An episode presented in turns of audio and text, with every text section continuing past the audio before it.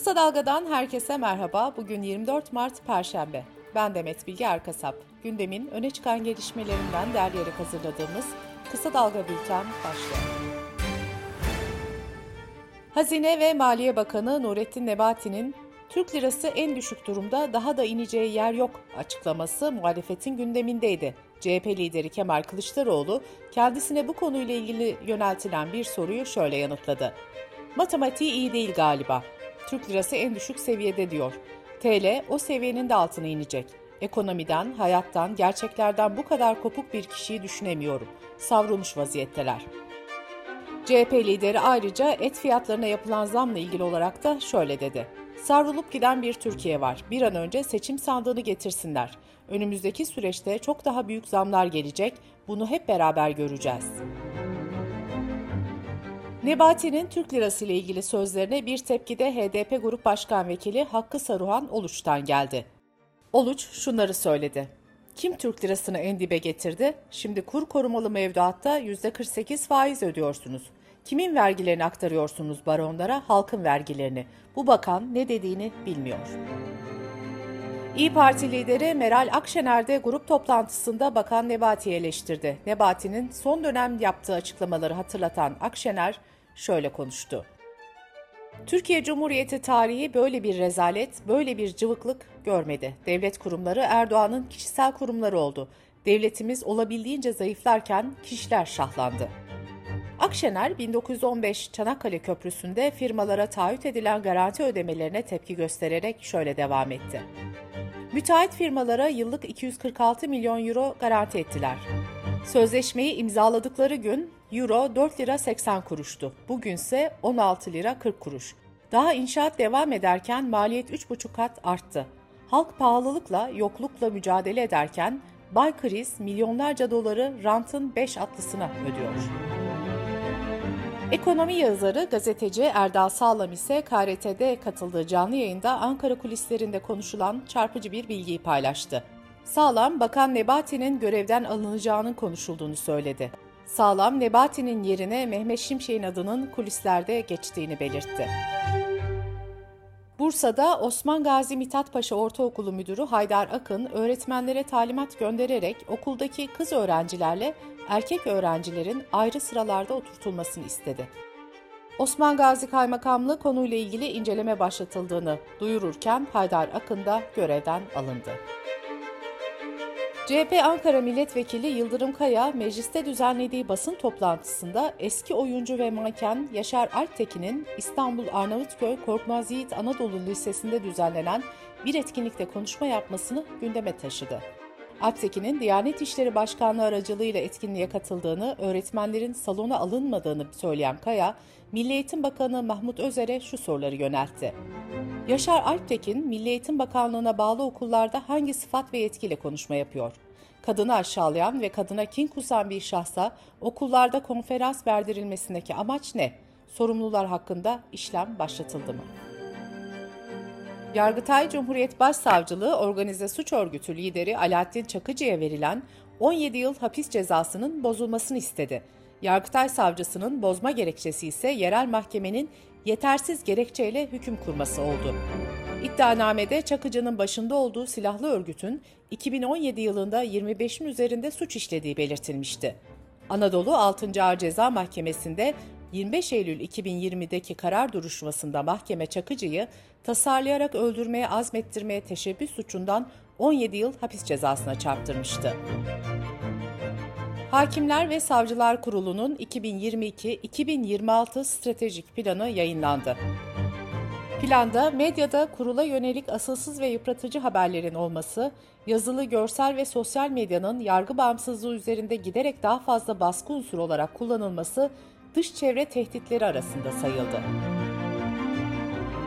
CHP milletvekili Ali Mahir Başarır son dönemde intihar eden polis sayısının arttığını belirterek konuyu meclis gündemine taşıdı. Başarır son 10 yılda istifa ve intihar eden polis sayısını İçişleri Bakanı Süleyman Soylu'ya sordu. Soylu'nun paylaştığı bilgiye göre son 10 yılda 3109 polis istifa ederek emniyet teşkilatından ayrıldı. Soylu kaç memurun intihar etti sorusunu ise yanıtsız bıraktı. Koronavirüste vaka sayıları hızla düşerken Sağlık Bakanlığı Koronavirüs Bilim Kurulu üyesi Profesör Doktor Alper Şener'den bir uyarı geldi. Şener şunları söyledi. Salgında vaka sayıları düştükçe ve gündem değiştikçe insanlar hem önlemlerden uzaklaşıyor hem de aşılama dozlarının önemini gözden kaçırıyor. Yaz döneminin bu şekilde süreceğini düşünüyorum. Sonbahardan itibaren vakalarda tekrar tırmanış görebiliriz. Lütfen herkes aşılarını olsun.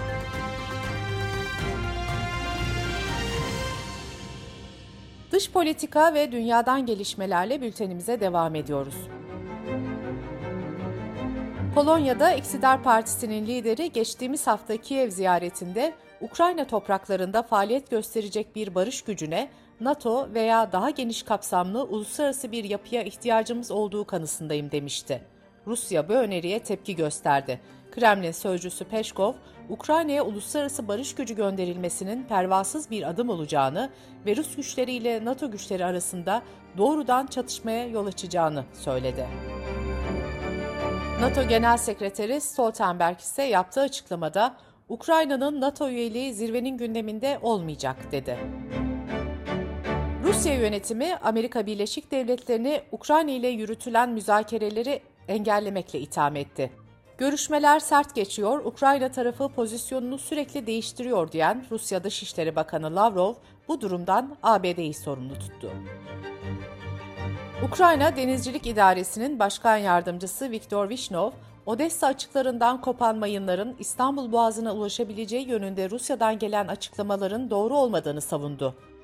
Rusya Federal Güvenlik Servisi 19 Mart günü yaptığı basın açıklamasında Ukrayna Deniz Kuvvetleri'nin 4 limanın yakınlarına döşediği 420 adet eski mayının fırtınalı hava nedeniyle koptuğunu, mayınların akıntı ve rüzgarla Karadeniz'in batısına sürüklendiğini duyurmuştu. Amerika Birleşik Devletleri Başkanı Joe Biden'ın kamuoyu yoklamalarındaki kan kaybı devam ediyor. Reuters ve Ipsos'un anketine göre Biden'a destek bir önceki haftaya göre 3 puanlık düşüşle %40'a gerileyerek şimdiye kadarki en düşük seviyeye indi. 21-22 Mart tarihlerinde ülke çapında yapılan ankete göre Amerikalıların %54'ü Biden'ın görevindeki performansını beğenmiyor. Rusya'nın Ukrayna'yı işgaliyle artan jeopolitik endişeler ve yüksek enflasyonun Biden yönetimine yönelik memnuniyetsizliği daha da arttırdığı değerlendiriliyor.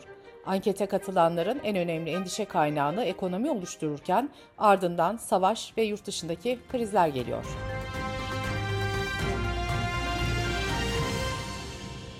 Sırada ekonomi haberleri var.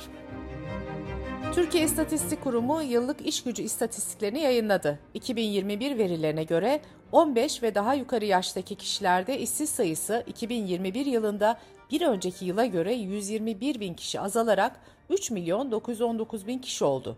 İşsizlik oranı ise 1.1 puanlık azalış ile %12 seviyesinde gerçekleşti. İşsizlik oranı erkeklerde %10.7 iken kadınlarda ise %14.7 olarak tahmin edildi. Uluslararası ürün fiyatlarının artışını takiben akaryakıt fiyatlarına zam geldi. İstanbul'da benzinin litre fiyatı 1.68 lira artışla 19.78 liraya yükseldi. Motorinin litre fiyatı ise 1.60 lira artışla 22.27 TL oldu. Son zamla birlikte benzin yılbaşından bu yana %61 zamlanmış oldu. Motorindeki artış ise yılbaşından bu yana %95'i buldu. Birleşik Kamu İş, halkın enflasyonu araştırmasının Mart ayı sonuçlarını açıkladı. Buna göre gıda fiyatları aylık olarak %4.7, 3 aylık olarak %33.9 ve yıllık olarak ise %118.8 oranında arttı.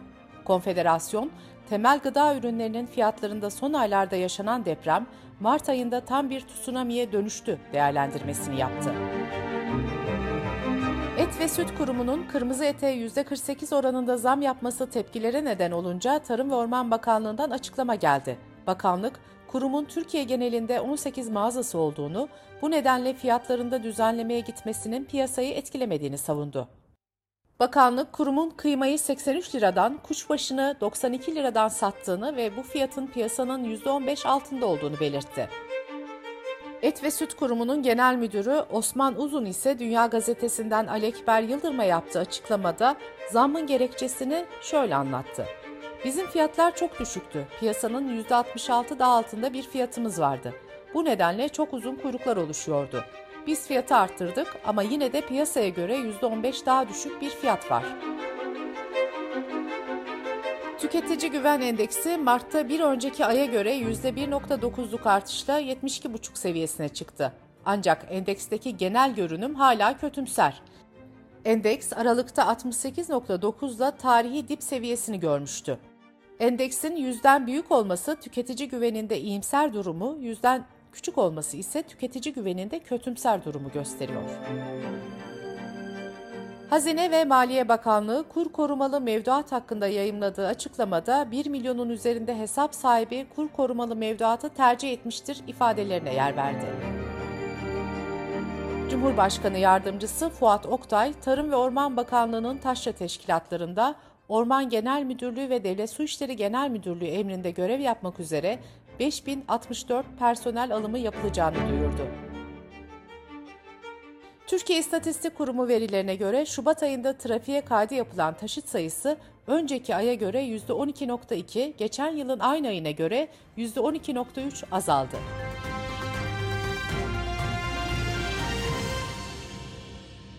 Bültenimizi kısa dalgadan bir öneriyle bitiriyoruz. Yazar Ahmet Ümit son 25 yılda edebiyatta ve ülkede yaşanan değişimleri, siyasal İslam'ın ve devletin geldiği noktayı, hayata ve aşka dair görüşlerini Kemal Göktaş anlatıyor. Kısa Dalga.net adresimizden ve podcast platformlarından dinleyebilirsiniz. Gözünüz kulağınız bizde olsun. Kısa Dalga Medya.